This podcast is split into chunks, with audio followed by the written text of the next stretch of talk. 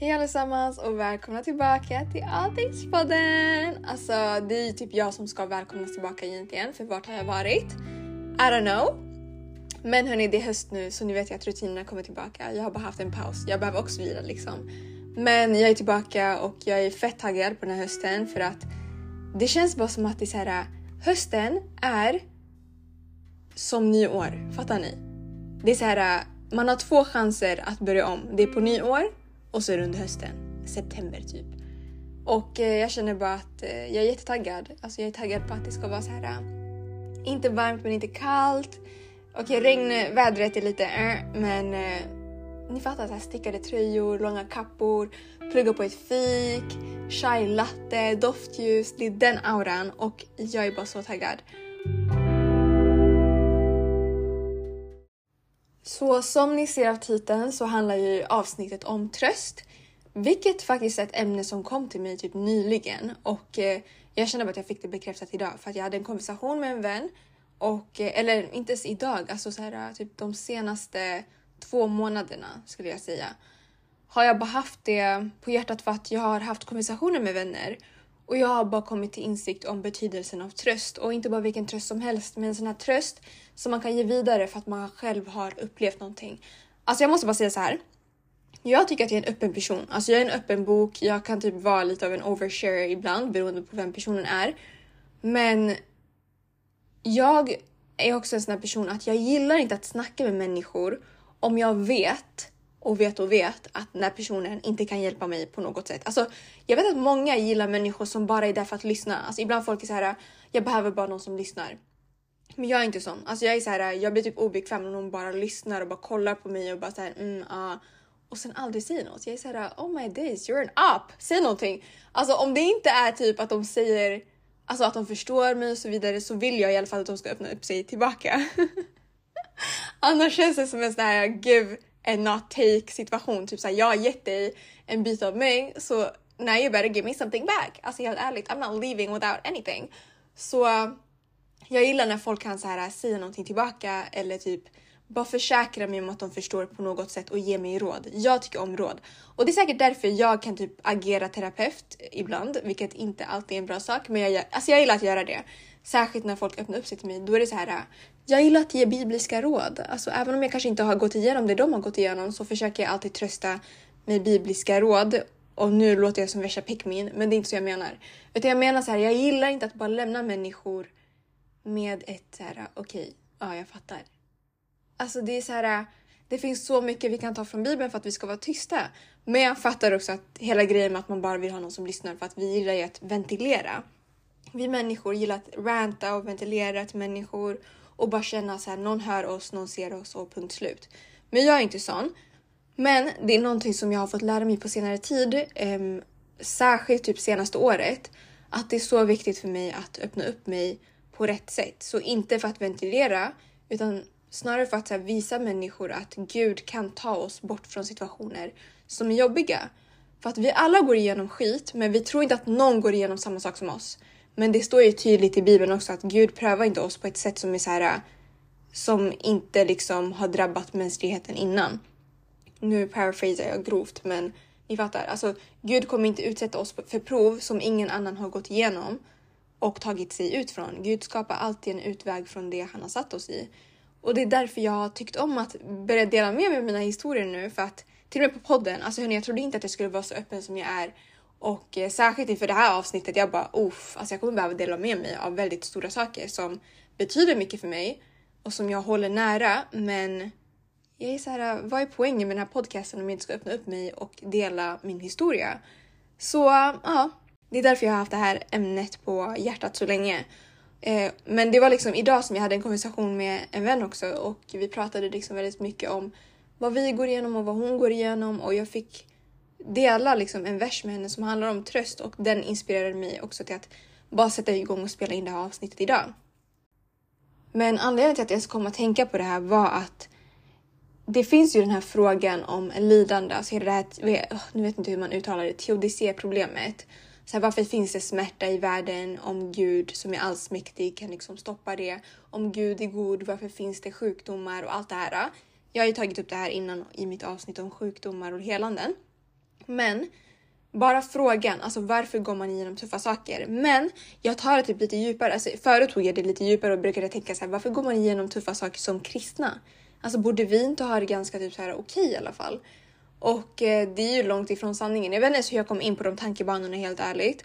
Men jag tror att det är så här för att man pratar väldigt lite om smärta och lidande på ett sätt som känns så här väldigt äkta. Alltså jag fattar att så här, man pratar ju i församlingar om liksom att så här, ah, vi alla går igenom jobbiga saker. Vi har gått igenom så här, pengakris och det här och föräldrar liksom problem och sånt. Men jag menar liksom så här lite djupare saker som är tabu generellt, inte bara i kyrkan men allmänt. Så här, jag är eritrean och jag kommer liksom från en invandrarbakgrund där till exempel psykisk ohälsa är jättetabu. Alltså min familj, jag skulle säga att mina föräldrar har blivit lite mer moderna på senare tid. Men sättet som jag växte upp, det var liksom långt ifrån modernt. Alltså det var verkligen... It was the trenches for... Ja, alltså ja. Men vi, alltså, vi har aldrig behandlat liksom psykisk ohälsa som en, som en grej man ska diskutera, man ska prata om och man ska gå på terapi och allt det. Alltså det är nu mer sen när jag har blivit äldre som jag och mina föräldrar pratar väldigt öppet om det och eh, inte så öppet som jag hade önskat. Men till exempel min mamma känner jag att jag kan vara väldigt öppen. Typ om jag har så här jobbiga känslor och sånt. Men alltså bara så här typ att säga ordet självmord eller att säga ordet depression är jätte, jätte, jätte knas. Alltså jag minns en gång att jag, jag pratade med mina föräldrar, jag minns inte sammanhanget, det var ganska länge sedan. Och så sa jag ett ord, alltså på tigrinja, som betyder depression på svenska.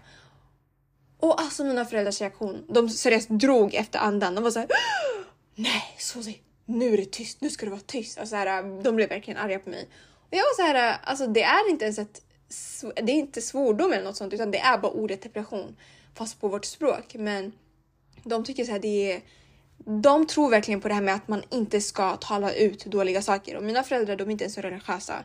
De är inte sådana som säger åh, du ska inte svära, du ska inte göra det här. De gillar inte svära och sånt men alltså ni fattar, de är väldigt på en med vilka ord man använder. Um, vilket man ska vara I guess, men när det gäller psykisk ohälsa så tycker jag att man ska ge utrymme för särskilt unga människor eller sina barn att diskutera det här och kunna öppna upp sig så om hur man mår. Alltså det är inte alltid man mår bra och när föräldrar inte vet om vad deras barn går igenom, då kommer de också känna en skuld i slutet av dagen. Så det var liksom väldigt tabu inom familjen. Det var verkligen en no-go zone för diskussioner eller konversationer. Eh, och församlingsmässigt skulle jag säga att jag hade väldigt så blandade upplevelser. Alltså jag tycker att man pratade om psykisk ohälsa.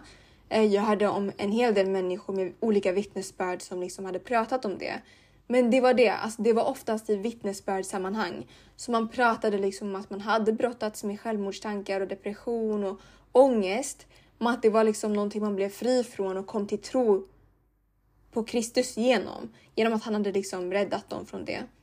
Men det var väldigt, väldigt sällan jag hörde om kristna som aktivt brottades med psykisk ohälsa under tiden de var kristna eller under tiden de var frälsta liksom. Och jag tyckte det här gjorde det väldigt svårt för mig att navigera i min psykiska ohälsa under tiden jag var frälst. För att jag var så här, eh, vad är det som händer med mig? Varför har jag det här? Varför går jag igenom det här? Det känns som att ingen annan kan relatera. Och oftast så kunde det beskrivas som att man så här, om man nu går igenom sådana där saker som frälst, då är det en förbannelse. Vilket är ett ämne för ett helt annat avsnitt som jag vill prata så mycket om. Inte nu i alla fall, men i alla fall. Så det var liksom så här, ja, ah, men då måste det nog vara en förbannelse. Och det satt inte bra med mig för att jag var så här, vänta va? Hur kan jag vara förbannad om jag är frälst? Men samtidigt, det kan inte vara Guds vilja att jag ska gå igenom den här psykiska ohälsan. Så vad är liksom rätt? Vad är sant? Så det gjorde det väldigt svårt för mig att liksom förstå vem jag skulle vända mig till, hur jag skulle gå tillväga och så vidare. Och trots att jag är en öppen person så pratade jag aldrig om psykisk ohälsa för att jag hade ingen runt omkring mig som liksom öppnade upp för sådana konversationer och jag vet att man ska inte sitta och vänta på det men på grund av att det är så obekvämt att prata om det så tycker jag nästan att det är enklare att prata om psykisk ohälsa på någon annans initiativ än sin egna. För att jag kände bara så att om jag pratar med någon om det här så kommer ingen fatta. För att särskilt när man vet vad ens vänner går igenom, alltså man hör ju liksom att ens vänner har, liksom, de kanske har problem som de pratar med en om. Men För att mina vänner pratade inte så mycket om psykisk ohälsa så kände jag mig bara så här äh, väldigt så här, äh, typ som en utomjording. Jag var så här, nej, alltså ingen kommer kunna fatta vad jag snackar om. Och eh, mina upplevelser kring psykisk ohälsa går ganska långt tillbaka. Um, nu vet jag inte hur mycket jag ska öppna upp mig. too shy, too shy. Nej, jag bara. Men alltså, de går ganska långt tillbaka men mina starkaste minnen är faktiskt från mina tonår.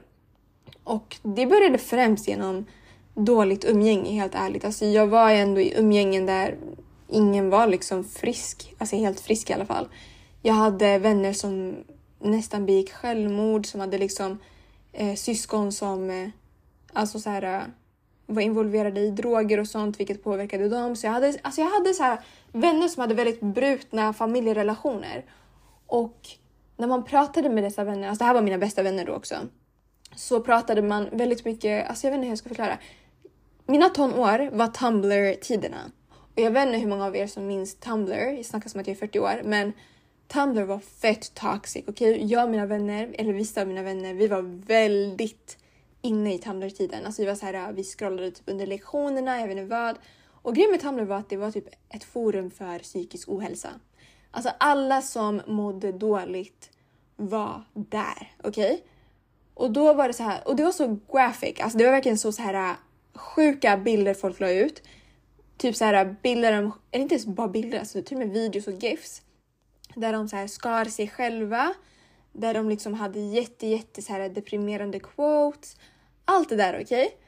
Och det var bara öppet för alla att se. Så jag och mina vänner, vi var ju så här ganska typ into it, jag vet inte vad. Jag minns bara att jag hade en specifik vän eh, som jag kunde prata med. Och när vi pratade om det så brukade hon liksom dela med mig hur hon hanterade, alltså hennes olika mekanismer för att hantera hennes jobbiga tankar och hennes liksom upplevelser. Och det var ju genom självskadebeteende. Så hon gjorde ju liksom olika saker för att må bättre genom att skada sig själv. Och jag, jag förstod inte det när hon sa det. Men jag tänkte så här, okej, okay, men det kanske är ett sätt. Alltså det kanske är någonting man kan använda för att liksom må bättre. Eller om man inte har någon att snacka ut med, då kanske det är det sättet man kan liksom lätta på bördan eller få lite lugn.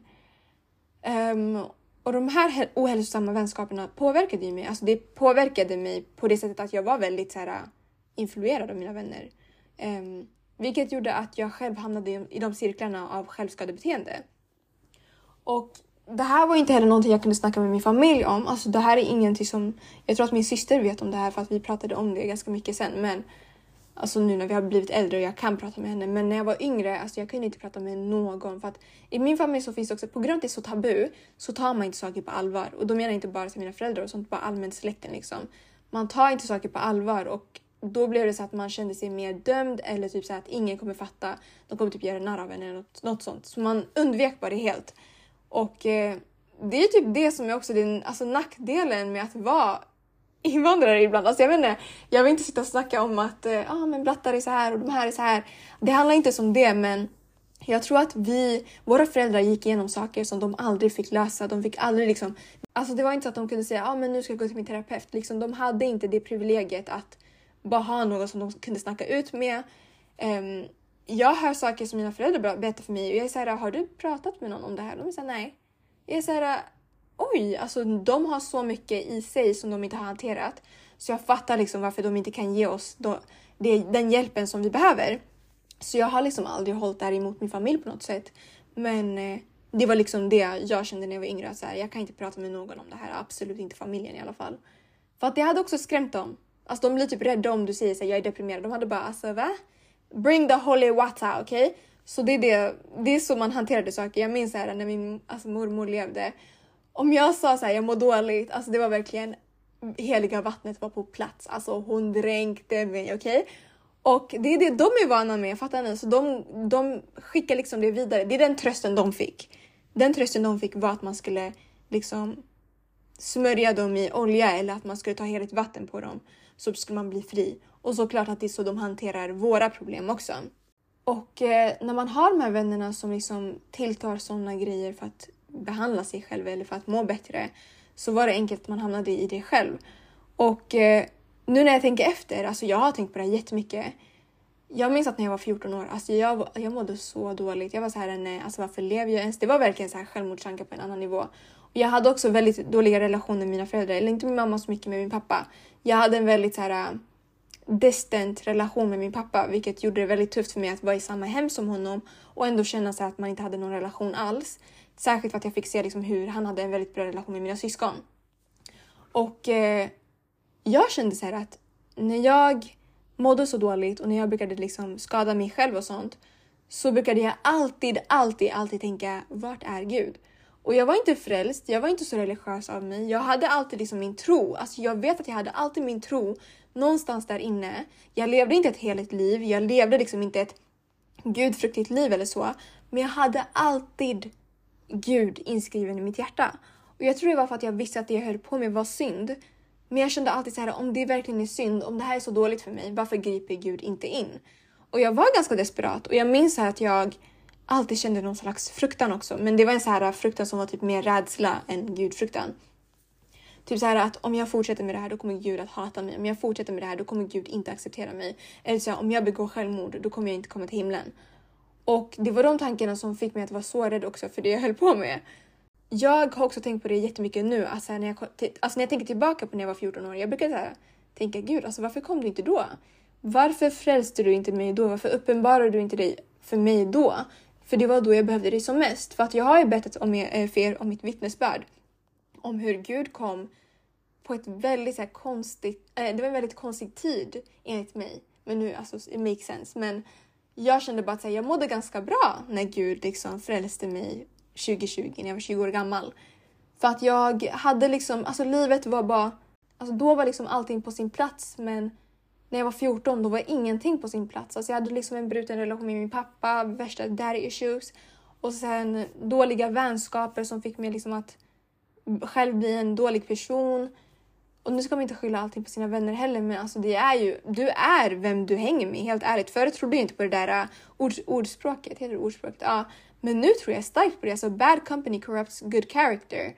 Um, och det är verkligen sant att de vi är med kan säga väldigt mycket om oss själva och det kan påverka vilka vi är i handling och ord och allt det där i karaktär. Um, så jag fattade bara inte riktigt varför Gud inte kom då. Jag var såhär, Gud, alltså det var då jag behövde det. Det var då du kunde liksom kommit till mig där i toaletten när jag grät och liksom säga till mig att du är med mig eller att jag skulle höra din röst på något sätt. Eller att du, jag vet inte, sänd någon ängel eller något sånt. Men det var ingenting sånt. Det enda jag hade var liksom en rädsla för Gud som till slut ledde mig till att sluta göra dåliga saker. Men i alla fall, så mina tonår har passerat och jag är nu i den åldern där jag mår liksom ganska bra. Alltså 2020 när jag kom till tro så mådde jag ändå bra, enligt mig. Um, eller bättre än vad jag hade liksom att jämföra med. Men sen ett år efter jag hade blivit frälst, och det var ju liksom under corona um, som jag blev frälst, men kyrkan var ju stängd i typ två eller ett och ett halvt år, två år på grund av corona.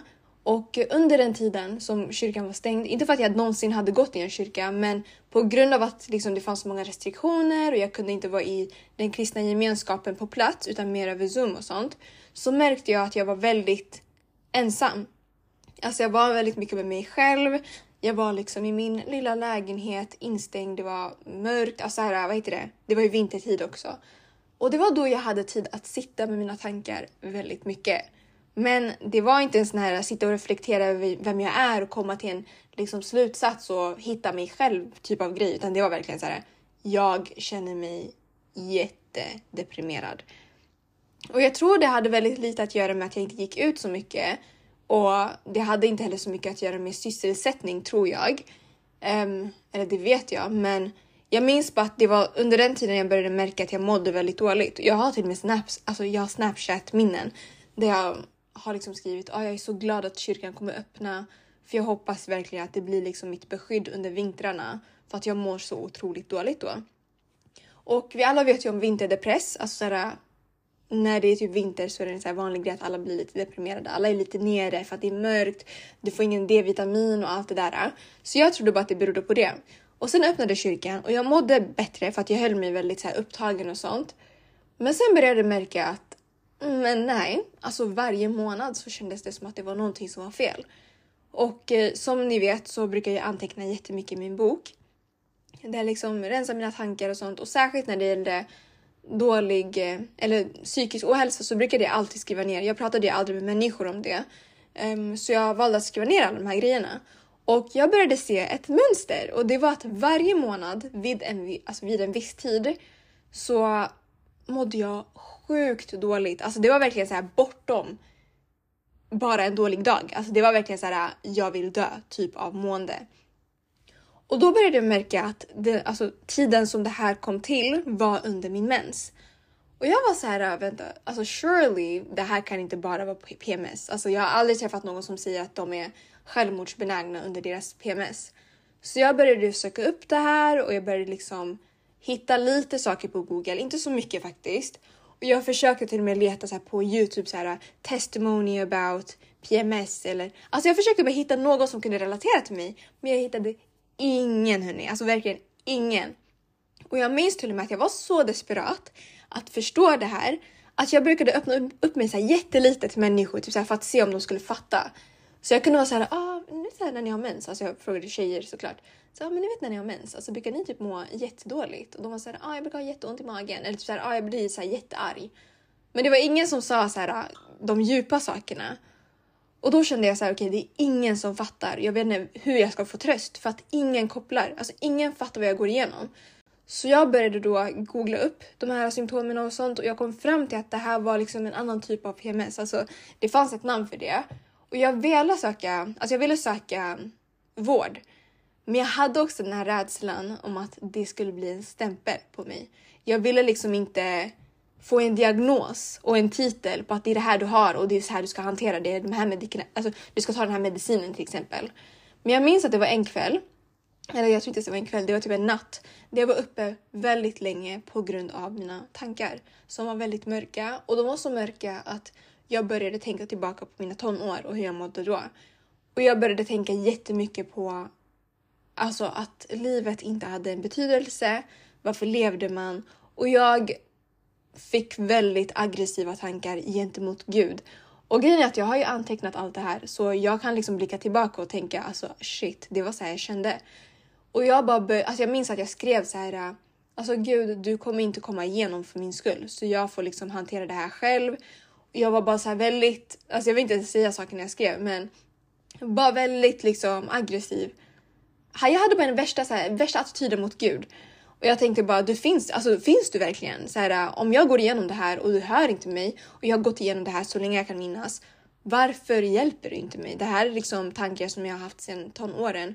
Och varför låter du mig gå igenom det här nu när jag är frälst? Borde jag inte vara fri från det här? Är jag förbannad? Och vad är poängen med att vara frälst om man ska vara under en förbannelse liksom? Så jag hade så många tankar kring det här och jag minns att just den kvällen när jag hade där, de där mörka tankarna så blev jag så rädd att jag skrev jag vet inte om ni vet med de här apparna och sånt, Kry och alla de här där man kan få liksom tillgång till en läkare. Och grejen med de här apparna är att man kan få kontakt med en läkare väldigt snabbt, vilket var det jag behövde i den stunden. Så jag minns att man behöver fylla i lite så här av typ eh, ett formulär på luren innan man får ett möte med en läkare. Och eh, då var det så här, ja men vad är det du upplever? Jag var så här, psykisk ohälsa och så skulle de så här, man skulle bara svara på några frågor. Och då skrev jag liksom att det är så här, jag känner ofta så här under min mens och så. Och eh, jag trodde att jag skulle få mötet med läkaren samma, alltså samma stund basically. Typ så här, ah, vänta 10 minuter. Men sen skriver de, eller de säger så här, ah, men nu är vår tjänst stängd. Så du kan inte prata med en läkare förrän imorgon så du kommer bli uppringd. Eller någonting sånt typ så här. Jag bara brö. Alltså hade jag vetat det här så hade jag absolut inte skrivit för jag behövde ju någon akut. Och jag var såhär, ja skitsamma jag får bara sova bort det här. Så jag la ner luren och så bara sov jag. Och så blev jag uppringd jättetidigt på morgonen, typ såhär runt åtta kanske, jag vet inte, jag minns inte nio tiden, men jag, jag sov under den tiden. Och eh, jag blir uppväckt och så, jag är såhär, vem är det här? För det var, typ, det var ju ett okänt nummer. Och då är det en kvinna som pratar och hon säger hej Susanna, ja det är från Kry vi ringer. Och jag bara eh, hej. Och hon bara ja, det är så att du har ju skickat in det här och eh, du upplever självmordstankar och vi måste, måste ringa varje gång någon liksom säger någonting sånt. Så hur mår du nu? Och jag bara eh, jag mår ju bättre nu. Alltså, det var typ mest igår kväll. Och hon är ju så här, aha okej okay, men berätta hur det här känns. Alltså hur brukar du uppleva de här tankarna? Och jag säger till henne att det är just det som är problemet. Det går så upp och ner att jag aldrig riktigt visste hur jag skulle hantera det. Så jag kunde liksom ena dagen känna såhär, nej, alltså it's over, it's over. Och sen dagen efter bara, ah vad dramatisk jag var. Och det var det som var liksom de här humörsvängningarna som kommer med ens mens och sånt. Alltså det var det jag tänkte att det måste ha varit. Och jag sa det till henne och hörni, alltså besvikelsen som jag fann från det samtalet, det var liksom, det var så överväldigande för att jag minns att i den stunden så tänkte jag bara okej, okay, hon försökte i alla fall hjälpa mig och hon tipsade väl någonting, men jag minns att hon sa okej, okay, du kan besöka en gynekolog eller något sånt, men det jag kan tipsa dig om är en bok. Hörni, det var en självhjälpsbok hon tipsade mig om. Och jag hade ju sagt till henne, jag, jag vill inte ta medikationer, alltså jag vill inte ta så här, någon medicin alls. Eh, jag vill helst behandla det här så naturligt som möjligt. Och då sa hon, ja men det finns ju psykolog och sen tänkte jag bara tipsa om en bok. Och jag var så här, ah, okej okay, jag gillar bara att läsa så jag sa ju tack och så la vi på. Men efteråt så tänkte jag bara, alltså vänta va? Jag har ju bibeln som är en bok, fattar ni? Men nu behöver jag liksom en självhjälpsbok och de tror att det där kommer hjälpa mig. Alltså om allt jag behöver finns i bibeln så borde jag väl bara prioritera det istället. Och då, då fick jag bara mer av en hopplöshet för jag kände inte heller att Gud liksom fanns där för mig.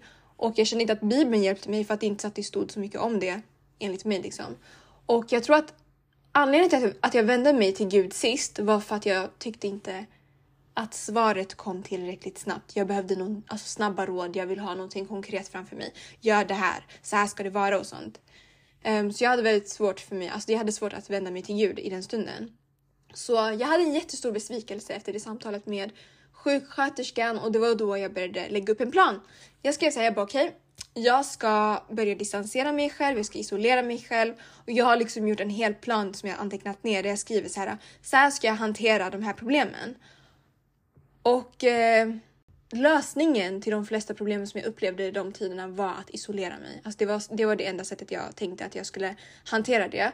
För att jag började liksom tänka, ja, ah, Alltså jag mår ju som sämst när jag är med människor, jag mår ju så här, så här när jag är med människor så det bästa är att bara vara med mig själv, sitta hemma, inte gå ut och göra liksom så lite jag kan under de veckorna jag mår sådär.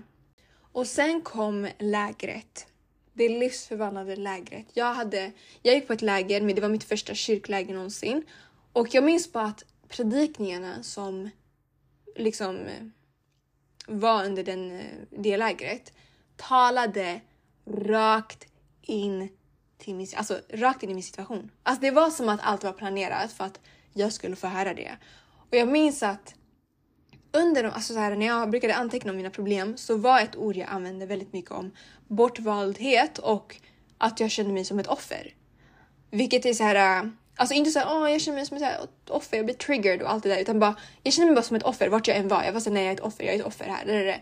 Jag minns att en av titlarna till eh, de här predikningarna på lägret var Victor, not a victim.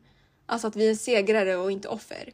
Och sen minns jag också att en annan titel till en predikan var Fly inte, stanna kvar. Och minns ni att jag hade sagt liksom att jag ville isolera mig och sånt. Så det här var så här, äh, alltså det var bara som att Gud hade planerat allting. Men jag minns också att när jag gick in till det här lägret, man brukar säga så här, ja men ha förväntningar, skriv ner era förväntningar. Jag skrev inte ner någonting för att jag, alltså, jag, allt jag tänkte var Gud vet. Gud vet vad jag förväntar mig, men jag kommer inte heller sätta press på, situationen för att jag vill inte bli besviken. Så jag skrev inte ner någonting, jag sa inte någonting till någon. Jag sa bara jag går dit, jag gör min grej, jag ska tjäna Gud. Det var liksom min topprioritet. Gå in dit och tjäna Gud och sluta fokusera på känslor. Sluta fokusera på att du ska få en upplevelse och någonting övernaturligt ska hända. Utan gå bara in dit för att tjäna Gud. Och det var det jag gjorde. Och eh, jag minns då, alltså minns ni att jag sa så här, ja men Bibeln hade liksom inte det jag behövde. Det fanns ingenting som jag kunde relatera till. Så minns jag att det var en dag där vi satt i våra liksom studiegrupper eller smågrupper där vi skulle prata om Bibeln och sånt. Och så skulle vi gå igenom en historia. Och det kapitlet var från Markus 5 om kvinnan med blödningar. Och hörni, jag hade läst den här historien så många gånger. Alltså jag brukar nog läsa Bibeln ganska djupgående, men när jag väl läste den den stunden, jag var så här, vänta, va? Va?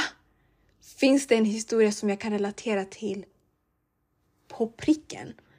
Och det var så sjukt för att det var som att jag fick liksom nya ögon att läsa den historien med. Och jag minns bara att när vi läste den här äh, gruppen så kände jag bara att Gud säger till mig det här är du.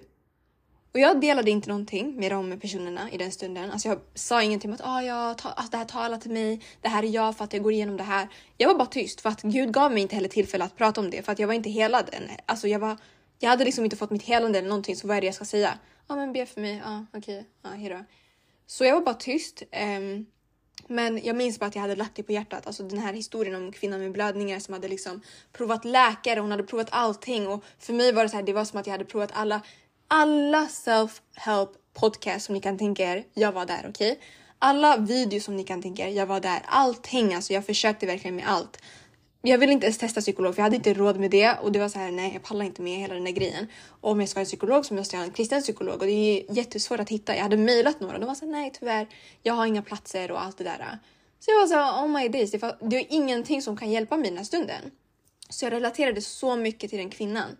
Men det som fastnade mest också var att den här kvinnan väntade inte på att Gud skulle komma och bara röra vid henne, utan hon sprang till Jesus och rörde vid honom. Så jag la bara det där på mitt hjärta. Jag var såhär, okej, okay, okej, okay, jag har det på hjärtat. Och sen kom det en stund i lägret då det var faktiskt en predikant, eller inte predikant, men en gäst som var där som kallade in alla på slutet. Och jag tror det var väldigt spontant för att det såg väldigt spontant ut för att han så här, typ gick fram till vissa pastorer och började prata och sånt, typ diskutera det. Och så gick han upp på scenen igen och han var så här.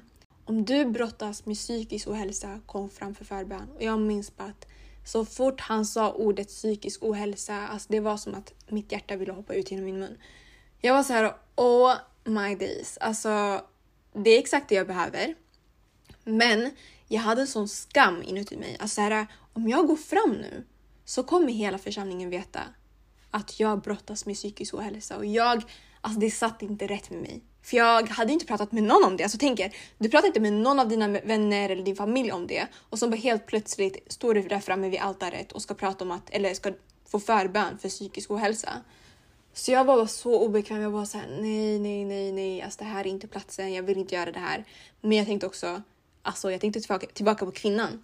Hon som sträckte sig ut um, och tog tag i Jesus tofs. Jag var så här, ja, det är nu eller aldrig. Jag måste vara exakt som den kvinnan. Jag måste gå fram och gripa tag om Jesus tofs. Så jag gick fram och jag fick min förbön och jag minns att i den historien om kvinnan så kände hon i stunden som Jesus liksom rörde henne, eller som hon rörde vid Jesus tofs, att hon blev helad. Alltså hon kände det. Hon hade inte gått till någon läkare för att få bekräftelse eller något sånt, men hon kände det. Och det var exakt så jag kände under förbönen. När jag fick den bönen av den där tjejen, alltså jag bara tänkte, jag är fri. Alltså jag bara visste att jag var fri och jag har aldrig gråtit sådär eh, i församlingen. Okej, okay? jag tycker det är lite awkward såhär, eh, för att man känner ju folk som är såhär Me cry? now! Men under den stunden, alltså det var någonting som tog över mig. Jag var såhär nej, nej, nej, alltså det här. Jag bara vet att någonting riktigt, på riktigt, alltså någonting har hänt på riktigt här. Någonting äkta har hänt. Och jag minns bara att i slutet av lägret så skulle jag, vi skulle prata om det här. Eh, eller vi skulle prata om våra vittnesbörd och den gruppen som jag var i, vi alla skulle gå en runda och jag var sist hörni. Jag var sist att köra med liksom, vad jag hade fått. Och jag minns att tjej efter tjej efter tjej, de delade saker men det var inte djupa saker. Alltså, det var så här, ah, men jag fick det här och det här och ingen gick in så alltså, på djupet. Och jag tänkte bara men jag har fått ett helt helande och vad ska jag säga? Ska jag bara, nej det var inget, alltså jag fick inte värsta grejen eller ska jag liksom våga tala om det här? Ska jag våga liksom berätta om det jag har gått igenom under de här senaste åren? Och det var första gången jag alltså la ord på mina känslor och förbönen var första gången jag sa till någon öppet. Jag brottas med självmordstankar. Men Alltså när jag satt i den här studiegruppen, det var liksom då jag lät, lät, allt komma fram. Jag berättade allting om hur bortvald jag hade känt mig och allt det där. Äh, och att jag hade liksom, jag visste inte varför jag kände så för att jag var kristen, jag var frälst. Varför går jag igenom det här och allt det? Så jag bara delade allting. Och alltså det kom en sån frihet med att öppna upp sig om det. Det kom en sån lättnad och jag minns till mig efter, alltså jag fick en sån välsignelse i att tjejer kom fram till mig och var så här, äh, alltså tack för att du delade det, jag vet inte vad. Och jag eh, kände väl alltså det var verkligen en oerhörd frihet som kom från det. Men hörni, hela tröstsaken, det är här jag kommer ta in det här nu. Alltså, under de här perioderna som jag brottades med liksom psykisk ohälsa och sånt så tänkte jag alltid Överdriver jag? Är jag dramatisk just nu? Är mitt problem ganska litet för mig att ta till Gud?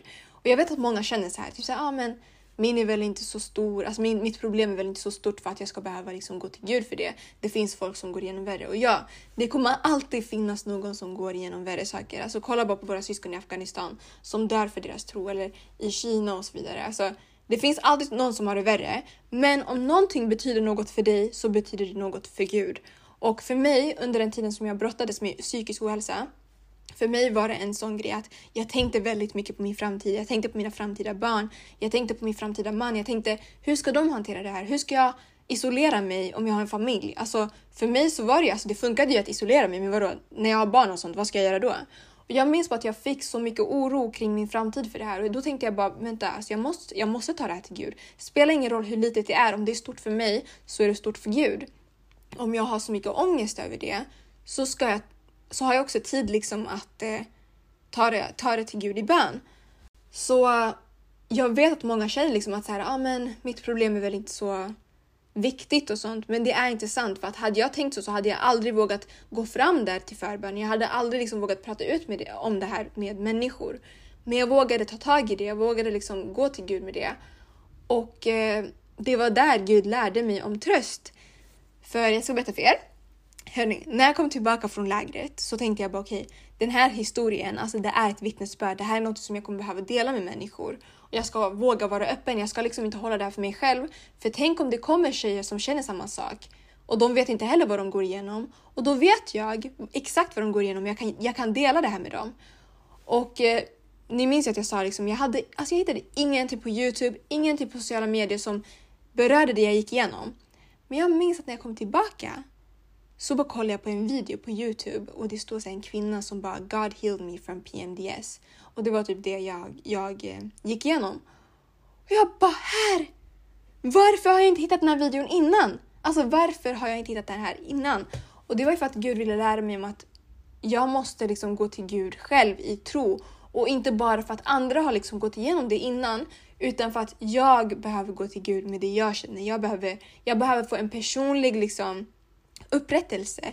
Inte en upprättelse som baseras på vad andra har gjort, på vad andra liksom bad för böner. Vad gjorde de för fasta? Vad gjorde de för anteckningar? Vilka människor pratade de med? På vilket sätt hanterade de det? Alltså, jag behövde sluta förlita mig på hur andra människor gjorde det och bara bygga en personlig relation med Gud genom bön. Och att fortsätta hoppas. Alltså, under den tiden jag mådde dåligt, det var liksom inte så att jag stannade hemma och sket i allt utan jag var fortfarande trofast. Jag gick till församlingen, jag tjänade, jag var liksom med människor och sånt men jag behövde också tänka på hur jag skulle hantera det med mitt mående ibland. Um, men i alla fall, så jag hittade den där videon och jag var såhär, äh, ah, fett skumt alltså varför kommer det här nu och inte förut? Men det var inte ens den sjukaste delen. Den sjukaste delen var att kort efter jag kom tillbaka från lägret så lägger en vän till mig upp um, en snapchat på hennes privata story där hon pratar om vad? Om hennes mående under hennes mens. Hörni. Och hon, och nu känns det här, så här, jag tycker typ det är lite konstigt att jag sitter och pratar om mens, men hörni, alltså mens är så mycket djupare än bara mens. Det är så mycket hormoner, det är så mycket psykiska grejer som liksom ingår i det. Men ingen pratar om det för att folk är så vana med att det bara är humörsvängningar. Det är bara liksom att du mår dåligt och du blir arg och du snap at people. Men det är så mycket mer än så. Men min kompis lägger då ut och hon säger så här. Är det bara jag som mår så dåligt under min mens? Alltså jag får typ självmordstankar och sånt. Och jag var så här. Sis! Do I have a testimony for you? Jag fick ju dela det med henne. Jag fick liksom säga till henne, Gud har helat mig och jag vet inte hur hon tog det. Om det ens blev liksom verkligt för henne eller inte. Men för mig, det var inte det som spelade roll. Det var bara att i den stunden berättade Gud för mig, nu har du ett vittnesbörd som du kan dela med människor. Och det kommer komma tjejer som känner på det här sättet som liksom du kände. Och du kan berätta för dem att Gud helar än idag. Alltså Gud ser oss, Gud hör oss och han kommer att sända människor vår väg som kan vara till hjälp för oss. Och det här har fortsatt än idag, att jag kan dela den här historien med människor så öppet, utan skam. Jag vågar nu säga, liksom, jag vågar sätta ord på det jag kände. Jag vågar liksom säga ja, det var självmordstankar och jag var förälskad. Det är sjukt, jag vet, men vi alla går igenom skit. Vi alla går igenom saker som är väldigt svåra att hantera oavsett om vi har Jesus i vårt liv eller inte om något tror jag faktiskt att vi som tror på Kristus kommer att gå igenom de svåraste sakerna. Men det lär oss så mycket om uthållighet för att det lär mig om uthållighet att under den tiden jag var så, jag hade ju värsta attityden mot Gud, men jag var ändå kvar. Jag bad ändå. jag var ändå i min församling. Alltså det var liksom, jag fortsatte, jag var trofast. Och det lärde mig så mycket. Alltså Gud lärde mig så mycket under den tiden och det är så mycket enklare att se det nu såklart. Nu när jag har fått mitt helande. Men då var det inte enkelt. Alltså då var det det svåraste jag hade att acceptera. Nämligen att jag kanske behövde brottas med det där för alltid. För att jag visste ju inte heller om mitt helande skulle komma. Men att liksom vara trofast trots mörkret. Precis som den här predikningen från Paul Washer om att det är mörkt men du går fortfarande med Gud. Den drev mig så långt, alltså den där predikningen. Den har, den har verkligen burit mig. Och en annan sak som Gud lärde mig under den tiden det var att han ska vara min första destination. Alltså jag försökte så många gånger gå till människor.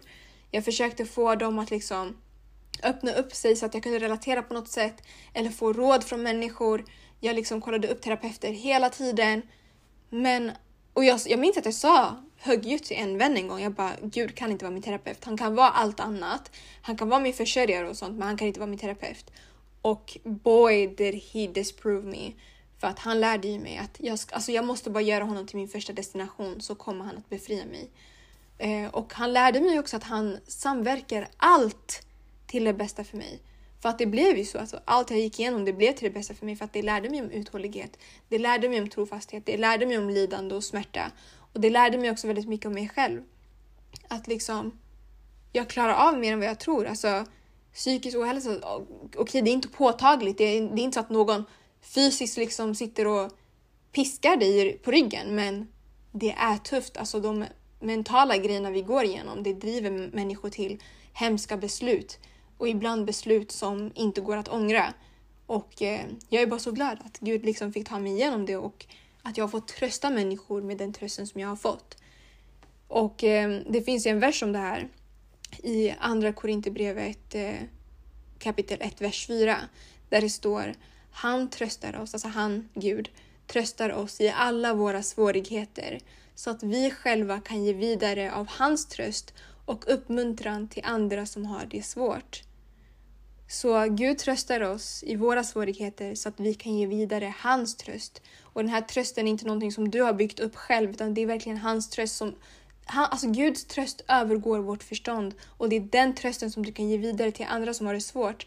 Och det blir till en uppmuntran för dem. Och jag tror det är därför jag hade så svårt att öppna upp mig. För att jag visste inte vilken typ av uppmuntran jag skulle få. För jag visste att uppmuntran jag fick var inte baserad på erfarenhet. Utan det var bara liksom så här, ja men jag ska be för dig. Eller, alltså folk fattade inte riktigt. Det gick inte igenom deras huvud. Och eh, därför kunde jag inte dela med mig av det. Men när jag fick trösten från Gud så visste jag liksom att nu kan jag faktiskt säga till människor att jag förstår det de går igenom och om Gud kan hela mig, om Gud kan befria mig så kan han befria dem också. Om han vill. Om det är i hans vilja. För jag tänker också på massa historier som jag har hört på senaste tiden. Jag lyssnade ju då på Elizabeth Elliot och hennes historia.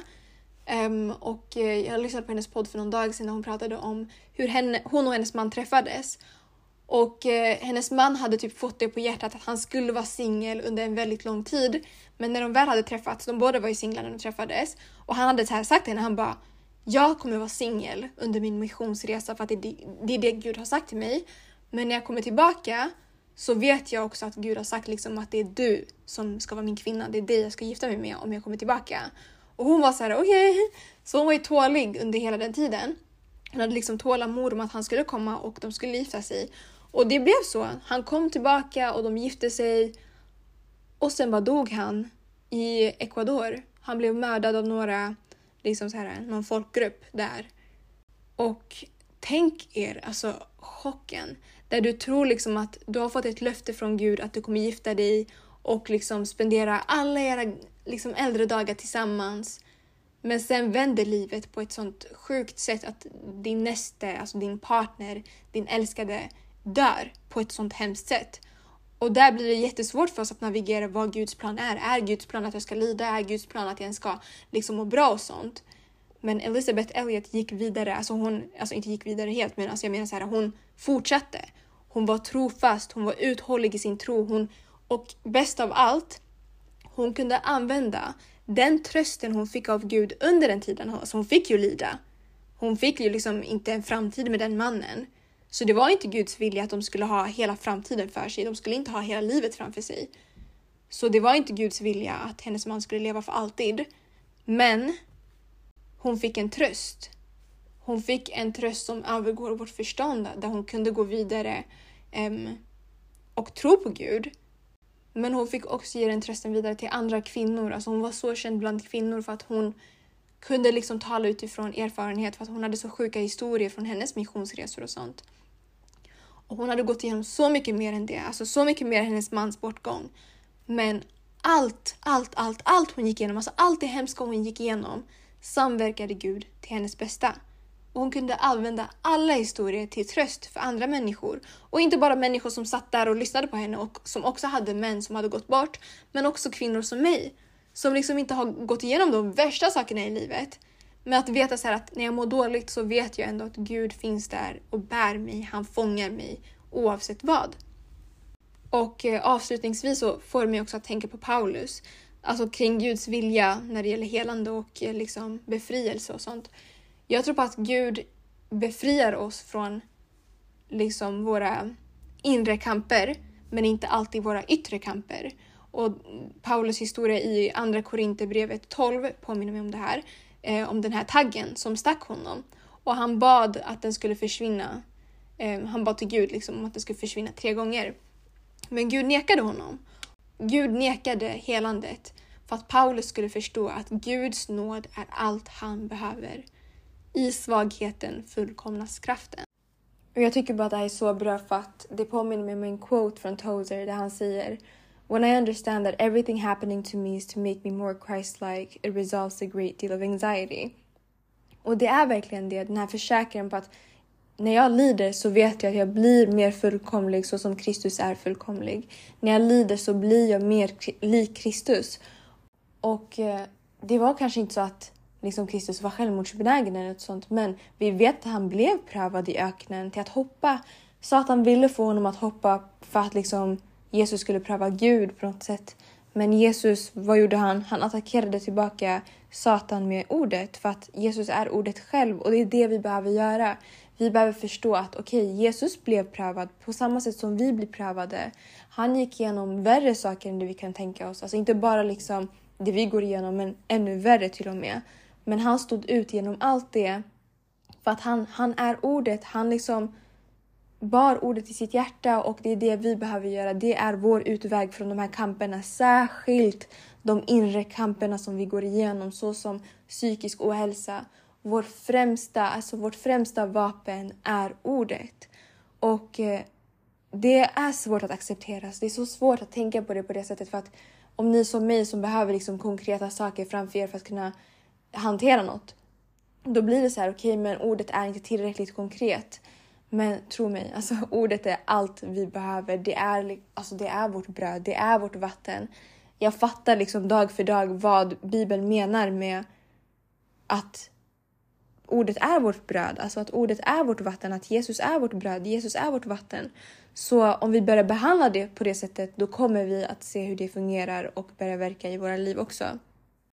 Så ja, alltså Jesus liksom gick igenom alla dessa saker, men han, han fick också segern över dessa saker. Han fick segern över alla dessa världsliga saker, över alla dessa kamper och främst av allt så fick han segern över döden. Och vi får aldrig glömma bort det för att från den stunden du tar emot Kristus så korsfäst du med honom. Du blir korsfäst tillsammans med Jesus och du blir också uppstånden tillsammans med Jesus. Så du har fått segern över döden, du har fått segern över allt det som Satan för med sig. Alla de här dödliga tankarna om att du är värdelös och du är liksom hopplös. Att ditt liv inte har betydelse.